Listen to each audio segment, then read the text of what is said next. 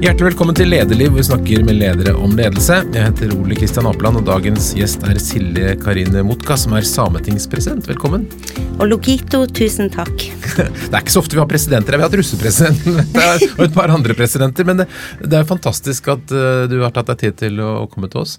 Jeg føler at nok, dette, Denne samtalen her føler jeg meg litt sånn på tynn grunn, egentlig, for jeg kan ikke nok om, om Sametinget og hvordan dere opererer. Jeg vet at dere er Stortinget for mm. samene, mm. og at det er en eh, 39 representanter, er det det? Ja. Og som sitter i et veldig flott bygg, har jeg sett bilde av i Karasjok. Men fortell litt om hvordan, hvordan jobber du?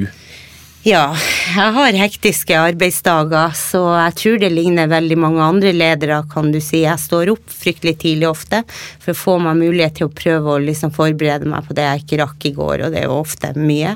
Eh, og så er det jo å gjennomføre da en hel, hel dag med møte ofte møtevirksomhet eller reising for å komme seg dit man skal, og også prøve da å eh, betjene media eh, eller andre spørsmål i, i pausene, og så, prøver man jo å få holdt seg noenlunde i fysisk form for å greie strabasene, da. Så det er nå egentlig en typisk dag for meg, og, eh, og jeg tenker at en av hovedutfordringene jeg har da, eller som jeg tenker veldig mye på, det er at når du har det så hektisk, så må du prøve å være i øyeblikket. Mm. Så du kan ikke være stressa av det neste punktet du skal, eh, det neste møtet, at du sitter og tenker, men du må prøve å være til stede i det som skjer akkurat der og da. Og det prøver jeg å bruke litt energi på, fordi det er lett å sitte og klikke på mobilen og, og stresse seg opp og liksom mm. tenke å, det neste møtet er ikke jeg forberedt på og sånn, men man må liksom prøve å benytte det øyeblikket der og da. Så jeg har øvd meg mye på det der å prøve å være konsentrert til stede. Ja. Ja.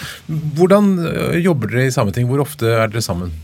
Nei, eh, nå er jo det sånn at Sametingsrådet som er leder, det er jo på en måte regjeringa i Sametinget, da. Så vi har ofte møtepunkter, og vi har et ukentlig beslutningsmøte hvor vi jo rett og slett gjør vedtak. Går igjennom invitasjoner, prøver å håndtere eh, alt som måtte være av spørsmål og sånt. Og så har vi jo en administrasjon da, som er fagfolkene våre, som mm. hjelper til med saksforberedelse og og administrasjonen har alltid levert forslag til noen type eh, beslutninger, da. Så vi har det møtepunktet der, og så har vi jo eh, Og så samler jeg også politisk ledelse til et eget møte.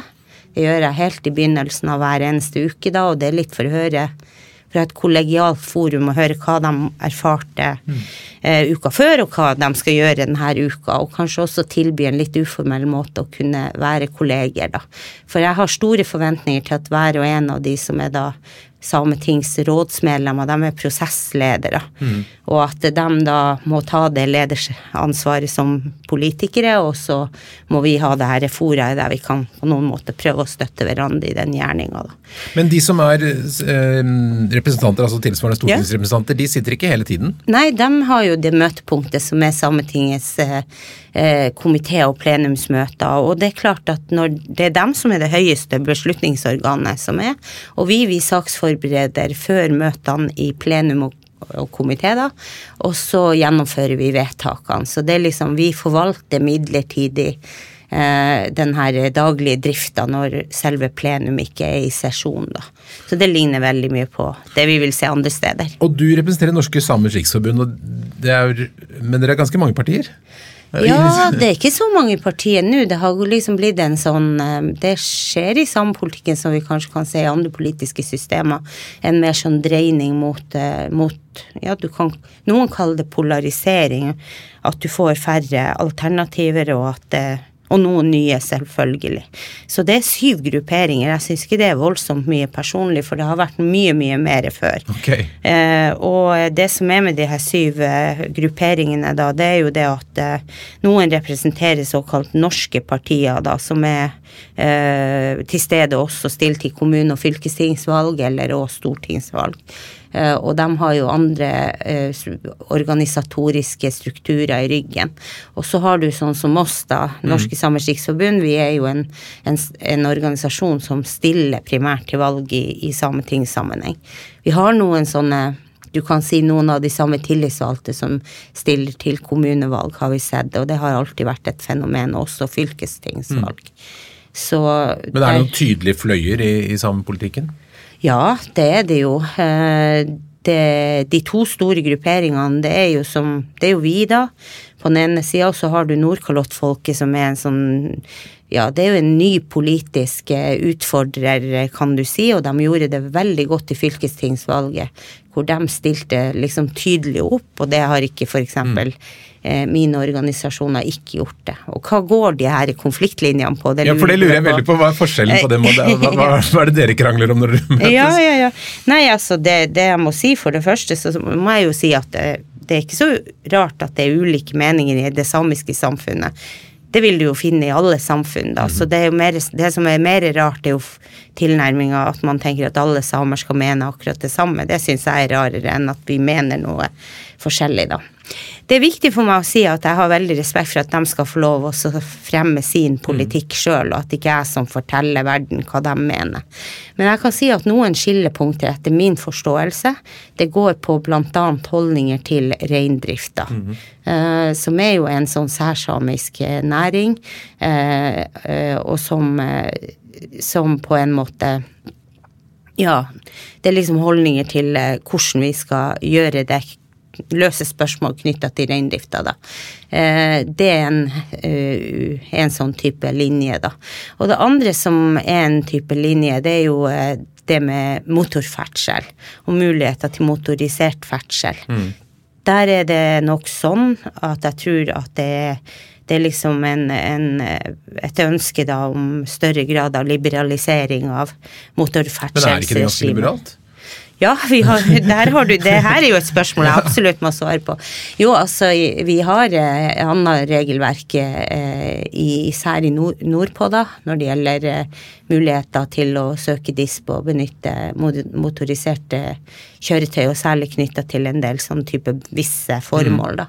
Så du har rett i det. Men her er nok et ønske om en enda større grad av Eh, liberalisering eller anerkjennelse mm. også av andre typer formål som kunne utløse en sånn mulighet til å bruke motoriserte kjøretøy, og det være seg enten scooter, ATV eller noe annet, annen type kjøretøy som kanskje ikke har Eh, husker på å nevne.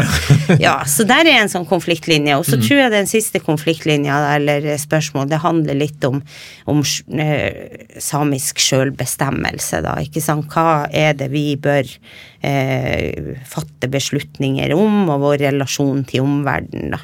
Så, um, så det er nå tre punkter hvor jeg, mm. hvor jeg tror vi har en litt sånn ulik tilnærming, rett og slett. Men uh, det er jo sånn med all politikk at en viss grad av spenning må det være, og vi, uh, vi må ha Vi har jo Alle går til valg med et sett av ideer du ønsker å gjennomføre, da. Og de ideene, de må jo på en måte De må ha noe å bryne seg på, mm. da, så det er viktig å ha en sånn at det er en dynamikk med en reell opposisjon og en reell posisjon, da. Og så tenker jeg styrkeforholdet mellom oss, det lurer dere sikkert også på. Og det er sånn at Norske Samers Riksforbund, vi har 17 representanter av 39. Det er jo solid, solid tillit, og vi må mm. forvalte det med stor omtenksomhet hver eneste dag. Og så har Nordkalottfolket ni representanter, da, så de er største mm. opposisjonsgrupperinga. Og eh, mitt eget eh, parti, Norske Samers Riksforbund, vi bærer stort ansvar når det gjelder utvikling av Sametinget, fordi vi har hatt makta siden 1989. Så har NSR vært med i styringsgrunnlaget, eller vært det bærende element i styringsgrunnlaget. I alle år, med unntak av seks år, hvor vi var i opposisjon. Ja. Og det betyr at veldig mye av det som Sametinget etter 34 år nå er blitt, det bærer vi et stort ansvar for. Er du fornøyd? Er du stolt? Jeg er veldig stolt over at vi i forhold til veldig mange urfolk, så har vi en mekanisme der vi òg får forhandle uenighet. Det er jo det vi gjør. Mm. Og bli enig. Og vi har et representativt organ, et demokratisk valg. Det syns jeg er unikt, og jeg er veldig stolt over det. Men så ser jeg at Sametinget har også Vi er jo da Vi må, vi må utvikle oss og modnes. Og jeg tror at det er en del typer erkjennelser som, som, er viktig for oss å jobbe videre med, da. Eh, og jeg ser jo at det er en del myter som Og myter de oppstår jo ikke i et vakuum, da. De har jo en eller annen form for Det, det er liksom et utgangspunkt for mytene mange ganger, sjøl om de kan være feilaktige eller skeive, da.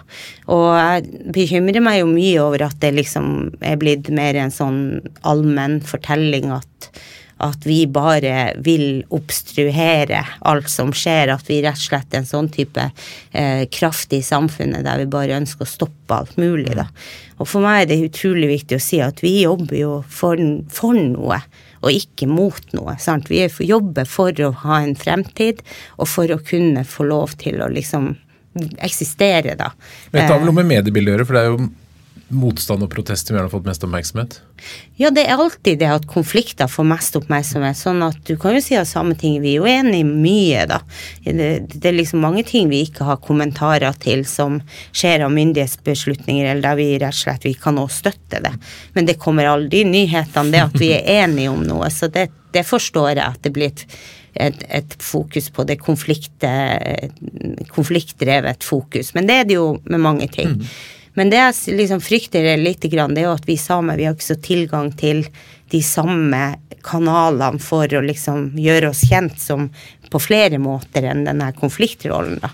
Ikke sant? Så Derfor er jeg skikkelig glad for at vi ser en ny offentlighet med nye samiske Eh, personer da, som er Det er en oppblomstring akkurat nå, har jeg følelse av? Ja, eller sånn som bare eksempelet Isalill Kolpus mm. i Nytt på nytt, ikke sant. Da kan, man, da kan man liksom bli kjent med Ja, eller få den her basal eh, kunnskapen om Ja, samene de kan jo jammen liksom være med og leke og spøke, og, og, de er jo ikke så, så verst eh, slagkraftig retorisk heller, og ja, ja, men Det overrasker meg egentlig ikke, for å si det sånn. jo, jo, men altså at det, det, finnes mange myter, og de brytes ned ved at man eh, får se, se liksom samiske kjente fjes på flere arenaer, og Mari Boine i uh, hver gang vi møtes. Det er jo mm. også der liksom det Vi får se norske artister prøver å tolke samisk musikk da mm. på, på, sin måte, og hun får Kommer det flere filmer nå? Det er mange ting som er på gang? Ja, jeg kommer akkurat fra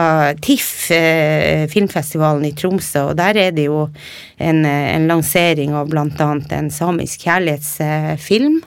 Og jeg, tenker, og jeg har fått så mye reaksjoner på med forventning til den filmen. Og så tenker, For det var, liksom, det var så mange som snakka om at de hadde lyst til å se den, og lurte på om jeg var så heldig jeg fikk se den. Eh, og det som er med den kjærlighetsfilmen, jeg tror temaet oppleves veldig, veldig bra nå, da. For det har vært mye konflikt, det er mm. mye uro, det er mye som skjer i verden. Så akkurat temaet kjærlighet, det, det, er jo ikke bestandig rom, helt uten problemer, det heller, for å si det sånn. Men, men jeg tror rett og slett at folk gleder seg over å skulle få se en hel en film. Hva heter den? Ello Gerdo heter den. Men du, du, er jo um, du har utdanning innenfor juss og kulturkunnskap og næringsutvikling og ledelse masse forskjellig. Du jobbet i fylkeskommunen, jobbet i utdanningssektor osv. Men, men hva var det som tente det politiske engasjementet ditt? For du har masse, gjort masse politikk. Ja, jeg begynte jo tidlig med politikk. Jeg var jo sånn eh, rundt 14 år gammel når jeg begynte å engasjere meg, og det handla mye godt om at eh, Norske Samers Riksforbund driver annen organisasjonsvirksomhet enn bare det politiske. Så jeg hadde jo bodd noen få år i Gudbrandsdalen og blitt veldig klar over at jeg har en annen kulturbakgrunn mm. enn en de som bodde i Gudbrandsdalen. Det var veldig fint for meg å bo der, for det, de hadde naturlig var veldig stolt over sin egen bakgrunn og sånn. Og det brakte frem noen spørsmål hos meg, nemlig den ambivalensen. Var ikke, det var ikke det at ikke vi var stolt over hvem vi var, men det var perioder hvor du underkommuniserte din egen kulturbakgrunn, og hvor du kunne du kunne på en måte mm, gjøre store forsøk på å skli inn i mengden, da, istedenfor å liksom være tydelig med sin egen bakgrunn. Men hvordan var det å være 14 år gammel same i Gudbrandsdalen, da? Var du, var du, flau, eller var det vanskelig? Eller? Nei, jeg syns ikke det var så veldig vanskelig. Det var, gikk egentlig veldig bra, syns jeg sjøl, da. så jeg konfirmerte meg der, og eh, ja, det mest opprivende, kan man si, knytta til det samiske, det var For det første så tror jeg når jeg kom dit, så begynte de å snakke mye om stumper mm. og sånt her, og Bodø er jo skikkelig langt unna der jeg er fra. Det er jo liksom som til Roma for dere, så omtrent nesten, kanskje litt kortere, men, men iallfall så For meg var jo ikke akkurat stumpa, og den dialekten var ikke så nært da, så jeg skjønte liksom ikke hvorfor de sa det. Jeg tror søringer generelt har litt svak eh, innsikt i nordnorsk geografi. Ja, nei, men for meg var det sånn hva, Det forsto ikke jeg hva det har med min bakgrunn å gjøre. Og så, og så var det det at jeg husker den filmen 'Veiviseren' kom. Mm. Og da sykla jeg hjem fra skolen, liksom, fordi at jeg følte endelig kunne de skjønne noe noe om hva det slags kultur jeg har. For jeg tror ofte samiske barn og unge blir satt til å være lærere da, liksom for alle om hva det samiske er, og det kan være så forskjellig, det. Mm. Så nei, og da husker jeg sykla hjem og var fornøyd med det, og så skulle jeg konfirmeres der, og da, da hadde, var det veldig moderne med sånne hvite, vadmelshvite kofter og rødt sånne innslag, og så husker jeg kom inn i kirka, og da hørte jeg en liten unge som liksom å, der er julenissen! så ja, men det var liksom litt et sånn positivt kultursjokk. Um, fordi dem i Gudbrandsdalen, iallfall da jeg bodde der, så drev jo de ungdommene og sydde uh, bunadene sine sjøl. Vi også mm. gjør jo mye det, da. Og de var jo tradisjonsbevisst med sin egen kultur og musikk. Uh, på skolen så var det leikaring, og jentene satte seg på ene sida og guttene på andre sida, og det var to rader, og guttene, om de var i sjette klasse, de manna seg nå opp gutta seg opp og gikk over bordet og bøy opp jentene, og gulvet og bøy opp jentene til dans, da. Og det gikk jo i det her reinlender og masurka og sånt der. Så det var liksom et miljø der man var aktivt stolt av sin egen bakgrunn. Når, når du beskriver det, så høres det veldig, veldig veldig lenge siden ut. Men du er ikke så gammel. Nei, det, det føles lenge siden. Men uh, som sagt så er de jo opptatt av uh, sin uh, norske kulturbakgrunn mm. i Gudbrandsdalen, og jeg syns det egentlig er veldig bra. Og her kommer vi vel til til akkurat det som jeg tenker mange ganger når folk begynner å snakke om at man må være same på en eller annen måte. Mm. De ekte samene, det er de som f.eks. driver med rein, eller de snakker samisk, eller de fra det og det området. Og så er det hvis du da er født og oppvokst i en by, da så er du liksom Da må man spørre ja, hvilken type same er du. Ja. Uh, og jeg har tenkt på det mange ganger, at jeg har, men jeg går jo ikke rundt og snakker med ekte nordmenn, da. At de må være fra Gudbrandsdalen. Da er det de eneste nordmennene jeg kan akseptere. Det er de som kan om sin egen kulturbakgrunn, og de som klarer å liksom uh, Si sin egen bunad? ja, for eksempel. Sånne type forventninger ville jeg aldri hatt til en nordmann, da. En ekte nordmann, kan du si. Ja. Men, men, men, dette tente altså et politisk engasjement hos deg? Ja, ja, ja. skjedde, hvorfor, hvordan skjedde det? ja, da, når jeg kom hjem, da, så hadde jo det her eh, liksom spørsmålet om hvorfor hvorfor de var så stolte av sin egen bakgrunn. Men vi hadde sånn ambivalent kommunisering av vår kulturbakgrunn. Um, det spørsmålet ble ganske fremtredende. Og så meldte jeg meg inn i lokallaget og ble leder for ungdomsorganisasjonen, eller det lokale ungdomslaget.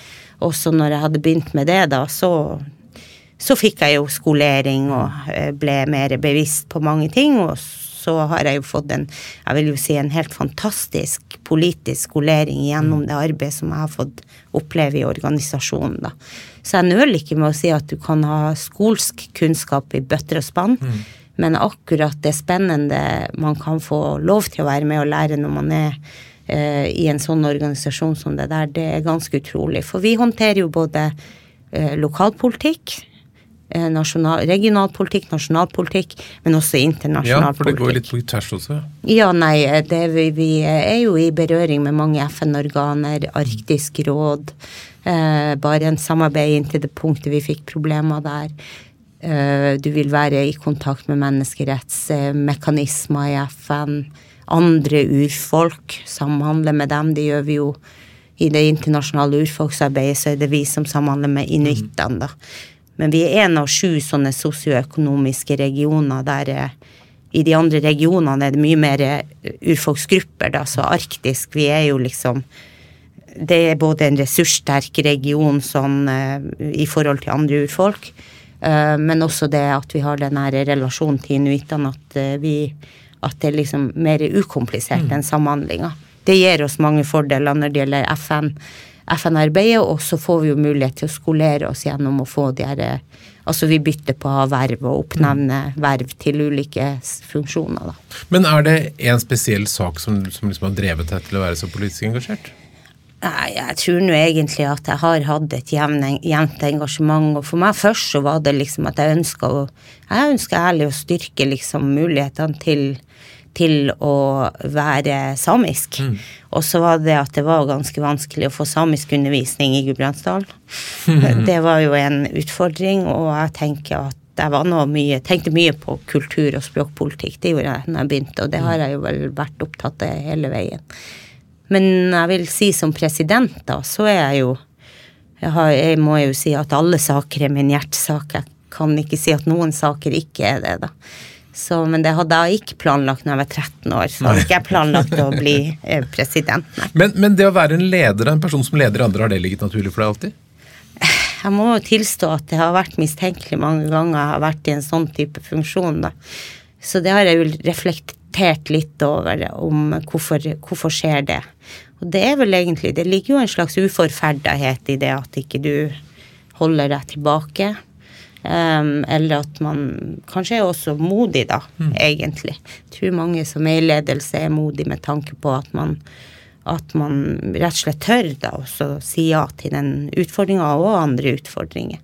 Så nei, det har vært hele tida. Det var en slags undersøkelse vi gjorde en gang på videregående og da husker jeg at det var en sånn type kartlegging. Det, det, jeg klarer ikke å identifisere hvilken, men vi skulle liksom bli karakterisert da på en eller annen måte som menneske, da. Og da havna jeg, jeg og noen få andre i sånn her naturlig leder. Mm. Det husker jeg godt, og jeg husker det fordi, ikke fordi jeg var stolt over å havne i den kategorien, men fordi jeg var kritisk til at vi skulle eh, liksom kategorisere mennesker så tidlig som på videregående nivå, og det kunne være så mye vi både kunne bli, mm. og at eh, det i og for seg var et spennende verktøy, men at eh, introdusert i en sånn periode hvor du driver og enda tenker på hvem du er, og det gjør du jo hele livet, har jeg innsett. Mm så, så tenkte jeg Da var jeg kritisk til at det var i undervisning, og det er vel typisk det som var tema. Hva er det du liker med å være leder? Nei, jeg syns jo egentlig at det beste er å få ting til å skje. Det er jeg en stor eh, tilhenger av. Og så med årene så har jeg blitt veldig mye mer bevisst på at alle feil og mangler, det skriver seg jo fra denne prosessen mm. som du har søkt å gjøre før du fatter de beslutningene. Så det er, som er spennende, er jo selvfølgelig det å få mulighet til å få gjennomført ting, men også å få forvalte menneskelig tillit, da. Det er krevende, så jeg vet jo at man må jo på en måte ta inn over seg at man mm. kommer til å feile, det er helt sikkert. Men jeg tenker at um, Ja, noen ganger bruker jeg å oppleve meg sjøl som litt en tolk, da. Eh, og det er jo fordi at sant, jeg, jeg, får treffe mange mennesker, de har en utfordring, så forteller dem om det. Så, så skal jeg da Jeg får inn en slags energi da av det møtet. Så da skal jeg gjøre neste gang, så skal jeg treffe noen andre som kan gjøre noe med det her. Da må jeg ha med meg en ekte energi fra det møtet og de menneskene som hadde sånn tro på at jeg kunne gjøre noe, som har prøvd å formidle noe av det samme. Sånn tenker jeg mye at, eh, at man må jobbe som politisk leder. Også at man Selvfølgelig, all makt er jo sånn at på et punkt så så kan det jo korrumpere deg. Uansett om du forvalter eh, symbolmakt, mm. så kan det korrumpere deg at du blir likegyldig til at du forvalter tillit, og at du da um, At du da kanskje kamuflerer um, mangler og feil. Mm. Så, så nei, jeg syns det er givende, men det er klart at du får prøvd deg på alle områder. Det er min observasjon. Mm. Tror, du, tror du god ledelse oppleves noe annet altså, er, det, er, samisk ledelse noe annet? Er det noe i den samiske kulturen som skiller seg fra norsk kultur eller syn på ledelse, f.eks.? Det tror jeg godt det kan være, absolutt. Mm. Og jeg tror nok at responsen på ulike lederstrategier kan være, være forskjellig, da. Um, nå er det jo sånn at en del ut av de her samiske strukturene er bygga opp litt sånn uh, Du kan si at det er bygga opp en I noen segmenter, litt hierarkisk. Og det er jo litt sånn, det kan man kanskje finne i noen andre, andre sånne systemer, da. Urfolkssystemer. Men så har du òg det samme at, eh, at i det samiske samfunnet så har vi jo noen tendenser til at kvinnerollen er mer, mer Ja, kanskje litt annerledes enn, en det kanskje har vært ellers. Men jeg er litt usikker siden det blir en del generaliseringer fra mm. min side, da. Og um, jeg tror man kunne ha funnet mye spennende hvis man så litt på det. Så vil man finne uh, mye spennende. Men mitt, min respons på det her, det er nå at jeg har utvikla et sett av ulike typer lederteknikker som jeg prøver å bruke når jeg på en måte mener å identifisere noe av de samme utfordringene. Da. Og det kan være at noen responderer veldig, veldig uh, hurtig på en at man fatter en beslutning, at det er nødvendig at beslutninga kommer tidlig. Mm. Fordi at det, det, vil skape mest ro. Og kanskje også at, eh, at da må man ta litt risikoen med feil marginer kan bli større, og at du må jobbe med den biten på en annen. Ja, for Du nevnte prosess. altså Hva slags prosess liker du å ha for en beslutning? Ja, nei, jeg er jo, jeg skal innrømme at jeg er litt av den utålmodige typen. Jeg vil nå helst Du liker å skjære gjennom? nei, ikke å skjære gjennom, men mest at det, at det her blir gjort, ikke sant. Og det er liksom sånn, du kan si at der er det jo viktig at man, at man da Jeg kan være fornøyd hvis vi har fått i gang noe, og så, må man være nøye, nøye med at det, at det, da kommer, at det liksom er avsluttes. Mm. Sånn at ikke du har masse restanser med ting som er igangsatt, og som ikke blir avslutta. Så nei, men uh, med det mener jeg at det handler jo egentlig at et sett av, av interessenter må Man må ha punkter hvor de her interessentene mm. er inne i, i, en prosess og får, får ytra seg og levert også det de kan til prosessen, for ellers så vil du jo da oppleve at beslutninger eller, eller det, det arbeidet man gjør, vil ha alvorlig potensial for mm. feil og mangler. Men det her tror jeg ikke er så ukjent i ledelse, at eh, det er i prosess, i planlegging, at du i størst grad kan feile. Da. Så det gjelder mennesker òg. Nå er jo, Hvis vi ser, liksom tar det store bildet på forholdet mellom samer og, og, Norge totalt sett, så er det jo en, en brukket historie. Mye konflikt og mm. undertrykking og norskifisering eller fornorsking og alt sammen. Mm. Hvordan tenker du vi, vi står nå? Er, er all urett rettet opp og alt er som det skal, eller har vi et stykke igjen?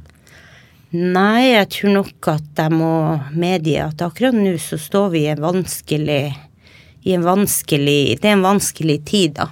Og det kan vi kanskje se når, når jeg og statsministeren jevnlig har uh, ordskifte i, i, avisene, da. Så er det jo ikke et tegn på at vi har det helt, uh, helt friksjonsfritt.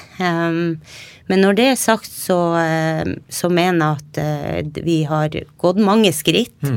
og har grunn til å være stolt av den modellen vi har med Sametinget og sånn, men vi må strekke oss enda mer for å få til enda bedre løsninger. Eh, for det er fordi vi har reelle konflikter, og de konfliktene er alvorlige. Hva, hvilke tenker du på da? Ja, Det er jo Fosen-saken, mm. f.eks. Det er jo et pågående menneskerettsbrudd som vi snakka litt om. Uh, og det har vi ikke hatt. En stemme i Høyesterett som har uh, konstatert at uh, artikkel 27 i konvensjonen om politiske og sivile rettigheter er brutt. Mm. brutt.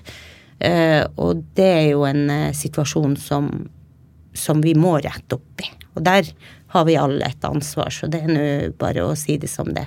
Og så i juni så ble det også levert den her sannhets- og forsoningskommisjonen, som er Stortinget har nedsatt en granskingskommisjon av mm, Og det er eksperter som har sittet i den granskingskommisjonen. Og de her ekspertene de har da gått gjennom den fornorskningsperioden som, som har vært i eh, noen hundre år. Eh, men da aktivt sett så er fornorskninga sett å være til rundt 100-150 år. Eh, og så har jo så har jo kommisjonsleder, han Dagfinn Høybråten, mm. sagt til offentligheten, og det er jeg enig med han i, at fornorskning foregår fortsatt i dag, da. Så, På hvilken måte da? Ja, det er når du har strukturer eller etablert tenking eller strukturer som gir seg utslag i, i fornorskning. Mm. Altså at samer må bli til norske. Har du et eksempel? Ja, det kan jo være at samiskundervisning aldri kommer i gang, da, selv om du har rett til det etter opplæringsloven. Det er alltid vanskelig å få tak i en lærer, umulig, og det her kan ikke kommunen skyldes for, da. Eh, på sikt, da, så blir jo samisk språk borte. Mm. Og rettigheter brytes når ikke samiske elever får den undervisninga. Og jeg tror ikke noen hadde akseptert at norske barn ikke fikk norskundervisning. Det er et eksempel. Mm. Men, eh, men, når det er sagt, så får vi med den kommisjonsrapporten, så har vi historisk mulighet til å prøve å komme oss ut av den, eh, den, eh, de strukturene vi har har, og den arven vi dessverre har med oss. Det er en blytung bagasje mm. vi har, og det gjelder nå både den samiske delen av befolkninga, men det gjelder jo også uh, storsamfunnet. Som man kan jo si at storsamfunnet er nekta kunnskap om samiske emner, og har ikke i stor grad muligheter da til å skjønne eller å få seg eh, den forståelsen som er nødvendig, og som er bra når vi skal være flere folk ikke sant, mm. i det her landet. Um, Men hva skal til da for at vi liksom skal få full forsoning og orden? Ja, Forsoningsbegrepet er jo vanskelig. Vi starter, vi har jo satt etter at kommisjonen har levert sine over 700 sider, det er 2,5 kilo med ja, er det 2,8 kilo med utredning denne mm. ekspertgruppa har gjort på fem år. Så når du går gjennom det og ser at 750 mennesker har levert sitt, vært sannhetsvitne for den kommisjonen, og så foreslår de jo tiltak og, mm. og har en, en, presentasjon av de her, eh, noen av de tingene som har i sum skapt denne fornorskninga, da. Så jeg mener det at uh, vi kan nå, når vi går igjennom det her, så kan vi liksom rette opp mye. Men først og fremst så ser jeg det litt som et erstatningsskadeoppgjør, da. Mm. Ikke sant. Det, det her er liksom første telefonen du tar til forsikringsselskap og sier at her er grunnmuren ødelagt, vinduene er ødelagt, um, strukturen er skada slik og sånn, og vi har overhengende fare for gjentagelse hvis vi ikke nå gjør noen sikringsgrep. Og vi er bare der i denne prosessen, så vi må reparere skader, ikke sant. Det er også som vi må få ordna vinduene og mm. vurdert kan vi ha denne strukturen på, det, på, den måten, hva kan vi gjøre for å sikre og unngå at det her skjer igjen, ikke sant. Hva er det groveste som har skjedd? Du, du har sikkert har lest disse kiloene, hva er det som opprørte deg mest? Nei, jeg tror det var Jeg tror veldig mange Det har vært ganske stille omkring eh, rapportens funn da, i det samiske samfunnet. Men det har jo vært litt grann oppmerksomhet eh, eh, andre steder. Men det er jo noen grove eksempler som har vakt litt oppsikt. Kan, og det er enkeltheter, da. Um, og jeg kan nevne noen av de. Det er jo f.eks. barn da som er sendt til spesialskoler fordi de var same, ikke fordi at de hadde utreda. Mm. Um, liksom behovet for spesialskole. Det er et eksempel. Eh, et annet eksempel er jo at eh, myndighetene på et stadie hadde fornorskning som mål, men eh, og, og liksom brukte sosioøkonomiske begrunnelser for å, for å flytte barn, ta barn fra foreldre og sette dem i fosterhjem og så mm. lignende.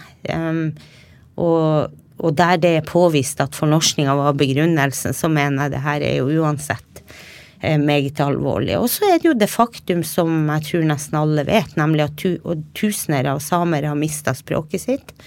Og rettighetsfrarøvelse som ligger i det at man ikke har fått vern og anerkjennelse for de rettighetene man har til ulikt type ressursutnytting, kan mm. du si. Ja. Men har du gjort en del arbeid de siste tiårene, da. Men så sier du at det krever en, en ytterligere form for erstatning, er det det du tenker? Mm, jeg tenker ja, det er en annen myte. Nei, det er en annen myte som ja. altså, Jeg er glad du tar det opp, fordi det, det er mange som sier sånn at ja, samene de skal bare ha erstatning.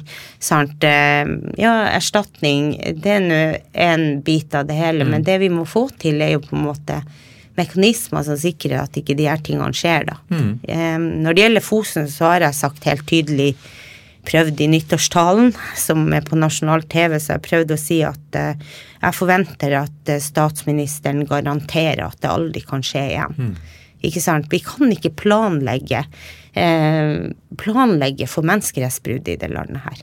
Så det må være en enkel ting å komme ut og si at det skal ikke skje igjen. Og han er leder da for, eh, for regjeringa. Han har et ansvar i å gå ut og forsikre om, om at Aldri mer Fosen. Aldri mer med Hvordan jobber du og dere for å få, for å få han til å si det, da? Ja, nei, jeg sier jo at han må si det. så får vi se om han sier det. Men jeg vet jo at det er vanskelig å skulle det, det Noen av de innrømmelsene er vanskelig, så jeg har forståelse for det. Men samtidig, det, kan, det er vel ingen som kan mene det i Norge, at vi skal planlegge for å gjennomføre sånne type ting som det som har skjedd på Fosen, da. Det vil vel de fleste håper jeg inderlig at de tenker at det må vi unngå. Mm. Og det, det, kunne vi unngått på Fosen òg. Det er jo det som er paradokset. Hvordan kunne det vært unngått? For det fantes alternative plasseringer av de industrianleggene. Og det var man kjent med i utredningsfasen. Men man valgte å gjøre det som man gjorde. Hvordan jobber du med akkurat disse tingene? Hva, hva, hva gjør du med Fosen akkurat nå? Ja, eh, når det gjelder Fosen, så er det jo selvfølgelig sånn at der foregår det en megling, da. Um, og så er det jo kommet en avtale på Sør-Fosen, og det er, jeg er glad for det, men vi må Men jeg mener fortsatt at vi er nødt til å få et nytt forvaltningsvedtak eller konsesjon der denne avtalen inngår i konsesjonen, da. Mm. Så det er nå mer en sånn teknisk sak. Så det har jeg skrevet til statsråd Aasland om. Men iallfall eh, på Nord-Fosen er det ingen løsning. Og eh, også på Sør-Fosen så står det at en del av avtalen at det skal eh, identifiseres et tilleggsbeiteland, da. Og det skal skje innen 2026. Så avtalen er Menneskerettsbruddet er ikke opphørt før det tilleggsbeitelandet er i bruk, da. Eh, avtalen er fullført eh, med tanke på den biten. Men iallfall så på Nord-Fosen så er det fortsatt ikke enighet, da min jobb i denne sammenhengen er jo selvfølgelig å prøve å jobbe da for at ja, vi må manøvrere når at eh, vi er i den situasjonen vi er i, og, og Sametinget, vi er, vi er jo som akkurat som eh, øvrige politikere, så er det jo et, det er et punkt der vi skal være aktive. Og det er et punkt hvor vi skal også akseptere og respektere, da. Mm. Så det er viktig for meg å understreke at jeg er glad for at Fosen-samene på sør at de endelig kan ha en forutsigelighet for fremtida si da på, på, et på, et visst vis som de sjøl også har kunnet støtte, da. Du representerer jo samer som jo ikke Det er jo liksom ikke bare en, en, gjeng som er på ett sted. Det er veldig spredt i hele Norge. Det er vel eh, lister i alle fylker, eller i hvert fall mange fylker. Hvordan, hvordan klarer du å, på en måte ha grasrotkontakt, hvis man kan bruke det området? Ja, takk og pris så er det samiske samfunnet er jo ikke sånn Det er kjempestort, mm. så jeg opplever at jeg har eh, Jeg prøver så godt jeg kan å liksom svare på alle meldinger og alt jeg får. Mm. Det lærte jeg nå for øvrig når jeg var på juridisk praksis på First Nation Legal Clinic i Vancouver i Canada. Mm -hmm. Da sa professoren til meg at du må huske på at uh, hver dag på slutten av dagen så må du prøve å ta kontakt med de som har ønska å kontakte deg, og gjøre liksom dem klar over når du kan være kommuniserbar. Mm -hmm. Så det prøver jeg å ta med meg inn i jobben, men det er klart man har vært overvelda noen gang, det har man. Så jeg føler at jeg får veldig Jeg får mye kontakt med vårt folk, og det er jeg glad for. Og så og så er det jo Det er jo ikke sjelden sånn som her i Oslo at jeg besøker samiske barn i barnehagen eller på skolen, eller har vært på eldretreff her, ikke sant. Og det, det er viktig å liksom ta de her tingene med, den energien man får fra de folkemøtene inn i det politiske mm. arbeidet. Så jeg føler sjøl at jeg får en veldig sånn tett flate til våre egne, egne mennesker, men du kan også si man får litt grann flyskam som følger av det. Det blir noen flyturer, ja. Det gjør det, og ja. det her er jo selvfølgelig Du kan godt argumentere om at vi må eh, Og jeg gjør det òg, at mm. vi skal bruke Teams mye, mye mer. Det er jo både miljø og, og effektivitet og alt mm. som taler for det. Men noen ting må man bare gjøre, liksom, ved å være der. Når koser du deg mest i jobben? ja, det er Jeg koser meg veldig mye. Eller koser. Jeg har jo høytidsstemning når en sak endelig kommer inn i Sametingets plenum. Mm. Da får jeg litt sånn der eh, Inni meg så er det også følelsen av eh, en gladiatorarena, men ikke med den blodige biten, da. Men det kan være et eh, verbalt og retorisk rett så rett så flott å få mm. se. Det er tillitsvalgte som er godt utrusta, som kan saken sin, engasjert. De tror på tro på sin egen eh, løsning, da, og så til slutt finner denne saken en beslutning, da. Så jeg bruker å tenke mye over det, og så er det jo like spennende da som en fotballkamp, tenker jeg, og så blir det litt sånn De beste prosessene, da sitter du igjen og tenker Da er du veldig tvil inni deg om at de andre kanskje også har rett. Så da vet jeg at saken er veldig godt utreda. Ja. Eh, Og at man har fatta en beslutning, den kan godt være feil, men at saken trengte den der forløsende biten som en beslutning representerer. Hva er du mest fornøyd med å få til? Oi, oi. Det er mange ting. eh, Men vi har i denne perioden har vi jo realisert gratis barnehage, da. Eh, Og det har regjeringa også gjort for, eh, for Nord- Nord-Troms og Finnmark. Og, Når du sier denne perioden, så er det du har samme periode som Stortinget, ikke sant? Ja. mm. Ja. Så da har vi, vi jo For det var et valgløfte vi hadde som vi mener er viktig av språkpolitiske grunner, men også fordi at eh, det er krevende å ha barn i samisk barnehage her i Oslo f.eks. eksempel Eller andre steder hvor du må transportere barnet ditt ganske langt, eller du må anstrenge deg for å få til at det her barnehagetilbudet skal benyttes. da. Så det var liksom jeg tenkte at de, for å få opp rekrutteringa så å fylle alle samiske barnehager, så er det en god ting å gjøre. Og det lovte vi i valgkampen, og så fikk vi mulighet til å realisere det. Og da, da ble jeg litt sånn Jeg tenkte sånn at Og det er jo mye diskusjon om det er rett eller ikke, det skal sies. Eh, Men i alle fall så hadde jeg den følelsen av at når, skrev, når vi skrev det i eh, tiltredelseserklæring av valgprogrammet, så var det så langt unna det man trodde man kunne få gjort, da. Og så klarte vi det. Så jeg er veldig fornøyd med akkurat den biten, og jeg er også fornøyd med å se at urfolket er blitt liksom lovfesta i Grunnloven, det er viktig. Jeg syns det er viktig, vi har fått til en mye bedre sånn samtale om samehets og krenkelser og og det griper vel kanskje inn i en veldig diskusjon om woke, ikke sant, alt det her, men, men akkurat det at vi har, at vi, at vi også har den felles bagasjen at, at det er noen som liksom har det privilegiet å kunne liksom ja, krenke andre da, eller komme med hatytringer eller eh, nedsettende ytringer. Sant? Det er jo en type herrefolkstenking som ligger bak det der, at du oppfatter at du kan gjøre det. Da har du jo en oppfatning av at du sjøl hører til en, en overopphøya eh, posisjon. Og det syns jeg er skadelig å ha med seg for oss alle, da. Så jeg pleier å si at samehets det er sånn at det både skader sjela både på de som gjør det, og de som opplever det. Og så eh, ødelegger de jo limet i samfunnet, det er åpenbart. Vi går glipp av menneskelige ressurser. Vi trenger generelt ikke så mye mer hets i samfunnet. Nei, jeg mener det at for vi, den forvaltningen vi må gjøre, det kan være liksom Jeg bruker tenke sånn, alle sammen kunne jo vært liksom den neste eh, holdt på å si Nobelsprisvinneren, hvis man tenker stort, eller dem.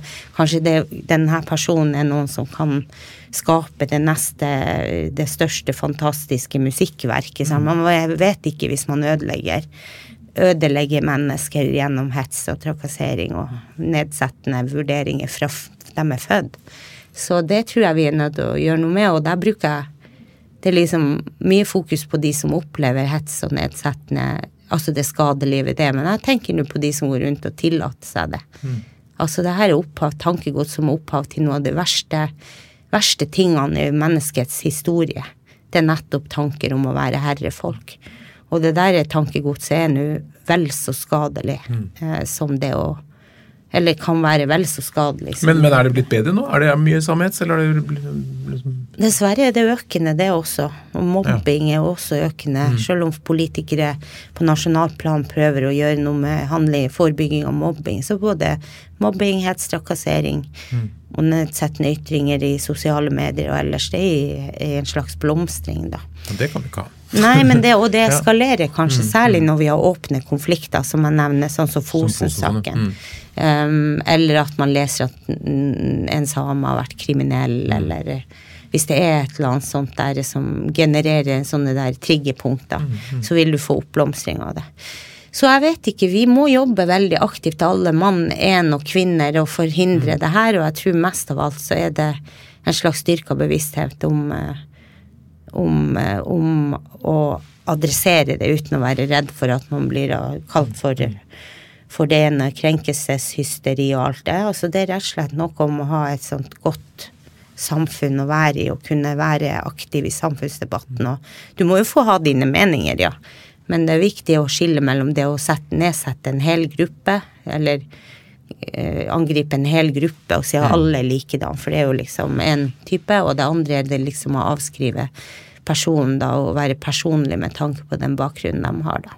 Men hvis man møter uh, samekulturen med litt mer åpenhet, hva tenker du at storsamfunnet har å lære av den samiske kulturen? Altså hvordan Hadde Norge blitt bedre hvis alle uh, var mer interessert? Ja, jeg tror det at både verdier og tankegods som, eh, som samer det samiske samfunnet har, er viktig. Mm. Eh, og jeg vil ikke utelukke at også det kunnskap vi har, som kan være veldig viktig og avgjørende for fremtida, da. Mm. Så, eh, Hvilke verdier tenker du særlig på da? Nei, la oss nå ta kunnskap om eh, f.eks. både planter og dyr. Mm. Eh, for eksempel så slakter man jo en tradisjonell slakt av et reinsdyr som, som ikke skjer i slakteriet på mer effektivisert måte. Eh, og etter gammel så ville man stykke dyret og gi ulike biter av det dyret til forskjellige deler ut av, ut av eh, hva skal jeg si, familieflokken. Mm, mm. Sånn at de eldre fikk én bit, eh, jegerne én bit, mm. de som er gravide en bit, de som holder på å vokse ja. får en annen bit.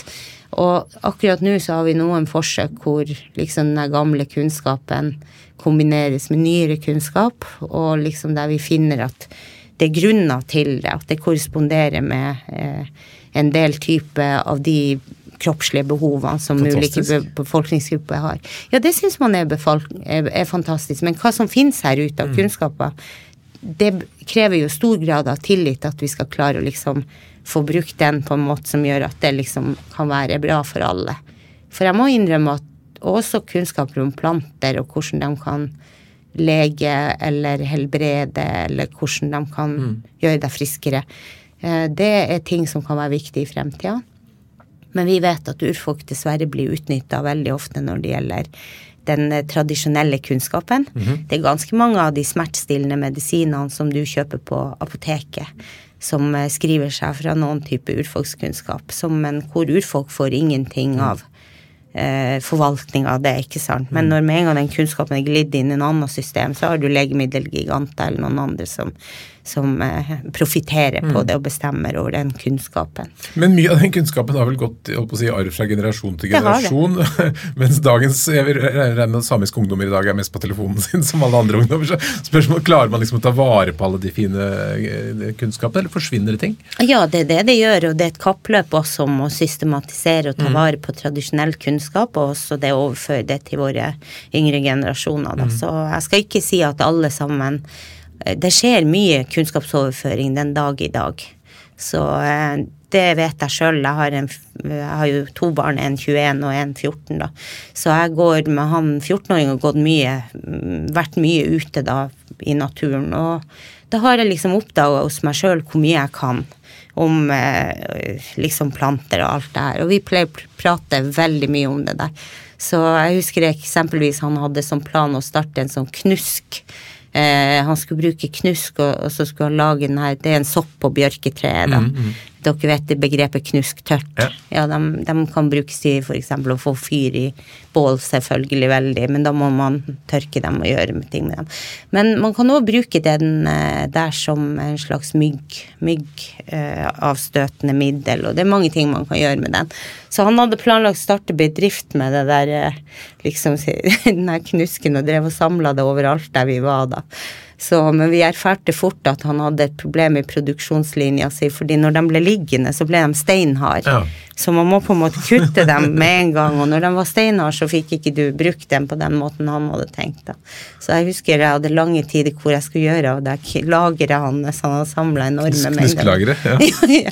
og det han drømte om, var å finne sjaga, da, som er en sånn sopp som sies å ha anti mye antioksidanter i seg. Da. Og den mm. selges jo i helsekostbutikker til en kilopris du bare kan drømme om. Eh, og den her sagaen, den er jo på en måte Den ser ut som på bjørketreet, sånn svart som velter ut av bjørketreet. Og han strømmer jo helt til å finne den her sagaen da, som han skal selge. Men så må han jo ha med seg mye utstyr for å ta, ta den her, så det har jeg ikke, ikke vært så nøye med å fremheve. Men det her er type kunnskap mm. som jeg mener vi overfører på en eller annen måte, da, og som er viktig for fremtida, på sett og vis. Eh, fordi noen av svaret på fremtidens eh, utfordringer kan være i kunnskap som har vært vedlikehold og tatt vare på. Jeg fikk veldig lyst til å gå på tur med deg. ja, ja, ja. Men, men eh, hva er det som Nå snakket vi om hyggelige ting, men, men hva er det som er frustrerende med å være leder? Hva grubler du på? Hva er vanskelig med å være sammenligningspresident? Ja, det er jo ganske mye. Det er jo eksempel den der balansen mellom liksom være tydelig og ikke sant, stå på det som er viktig, da, og så samtidig prøve å få til gode løsninger. Det er en balansegang som man vil jo gjerne være inne der i et konstruktivt rom, da, og ikke bli oppfatta som at du bare er der og ikke sant, at du bare har kritiske bemerkninger til enhver ting.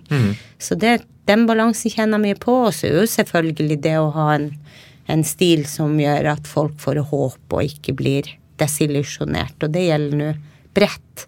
At eh, jeg prøver mye å få til det jeg tenker som motiverende ledelse. Og da må vi på en måte få til?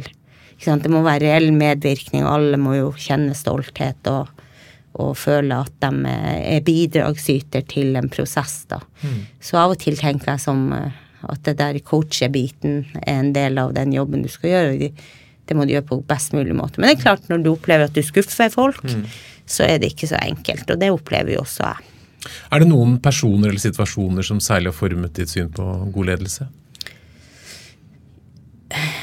Ja, jeg tror jo akkurat det der med de gangene når man gjør feil, så brenner det seg jo inn i, i, i, i deg neste gang så kan man prøve å gjøre det på annet vis, da. Um, så det der er Og så er jo det sånn at feil det, det, det mener jeg må bli aktiv. Vi må snakke om, om feil, da. Vi kan ikke snakke om det på den måten at, eh, at vi liksom eh, ikke sant, prøver å tilsløre det. Men vi må, vi må på en måte ha et sånt lærende forhold til feil. For det er i det der vi kan få systemforbedring. Så er mitt håp som leder jo at ikke at ingen i vår organisasjon skal gå rundt og kjenne på at, at de er nødt til å gjemme vekk at ting har gått At vi har gjort feil, da. Da må vi heller være sånn at vi, vi erkjenner feil, og så må vi prøve da å sette i gang noe som gjør at vi kan prøve å motvirke det. Og da blir jo kunnskap om feilen blir viktig å få formidla, og da må du ha tillit oppe, da. Så det prøver jeg å jobbe sammen med vår utmerkede direktør. Prøver vi å jobbe med å prøve å få til et klima for å snakke om feil. Hvis du avslutningsvis skulle gi noen, noen lederråd, sier du hadde truffet din, deg selv som 14-åring igjen, da, som engasjerer seg politisk. Hva vil de tre viktigste lederrådene være? Oi, ja Jeg må nå bare si at den der indre dialogen med kanskje ikke 14-åringen i meg, men 17-åringen i meg For det var vel da jeg begynte med, med ledergjerninger. Men iallfall den indre dialogen som jeg ofte har med hun da på 17, det har jeg. For jeg vet hun er nå neppe fornøyd over meg, da. Eh, det er jo det at eh, Jeg tror nå egentlig at man må være Man må være opptatt ut av eh, når man skal drive med ledelse, da, så må man være opptatt av folk. Det nytter ikke noe annet. Folk er det viktigste ressursen vi har. Og det kan ikke, være, det kan ikke skje noe uten deres vilje, da. Så du må jobbe masse med det og prøve å se, se folk og deres ressurser. Og la deg inspirere, og ikke demotivere.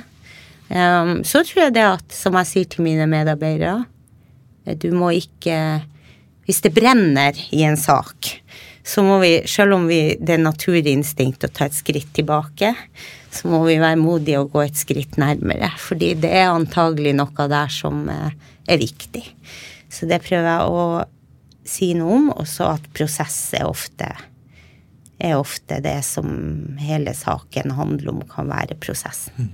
Mm, Og så sier du at du, dialogen med 17-åringen At 17-åringen Ja. ikke ville vært helt fornøyd med deg. Hvorfor ikke det? Nei, jeg tror hun hadde vært Altså, jeg som 17-åring var nok så svart-hvitt med tanke på hvordan jeg tenkte at ting skulle være, veldig bestemt, da.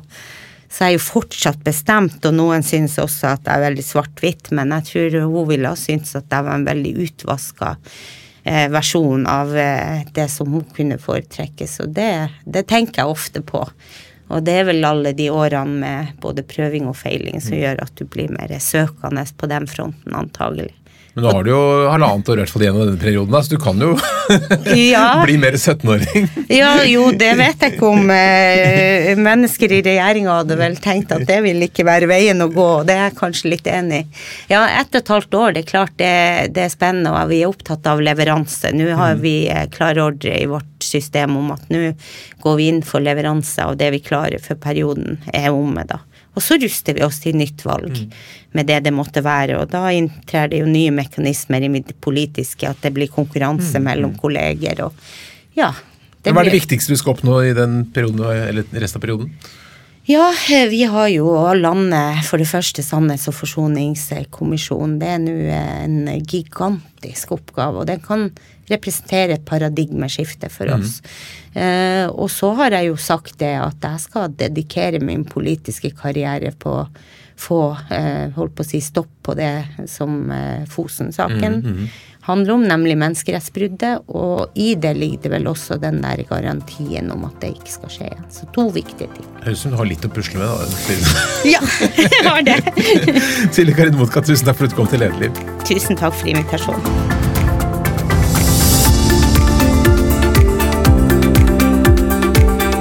Lederliv er en podkast fra Apeland. Redaksjonen består av Ingrid Hogneland, Johanne Eidsvoll, Lars Jarle Melum og meg som heter Ole Kristian Apeland. Og du er hjertelig velkommen til å sende ros, ris, tips om ledere eller hva du måtte ønske til oleatapeland.no. Takk for at du lytter.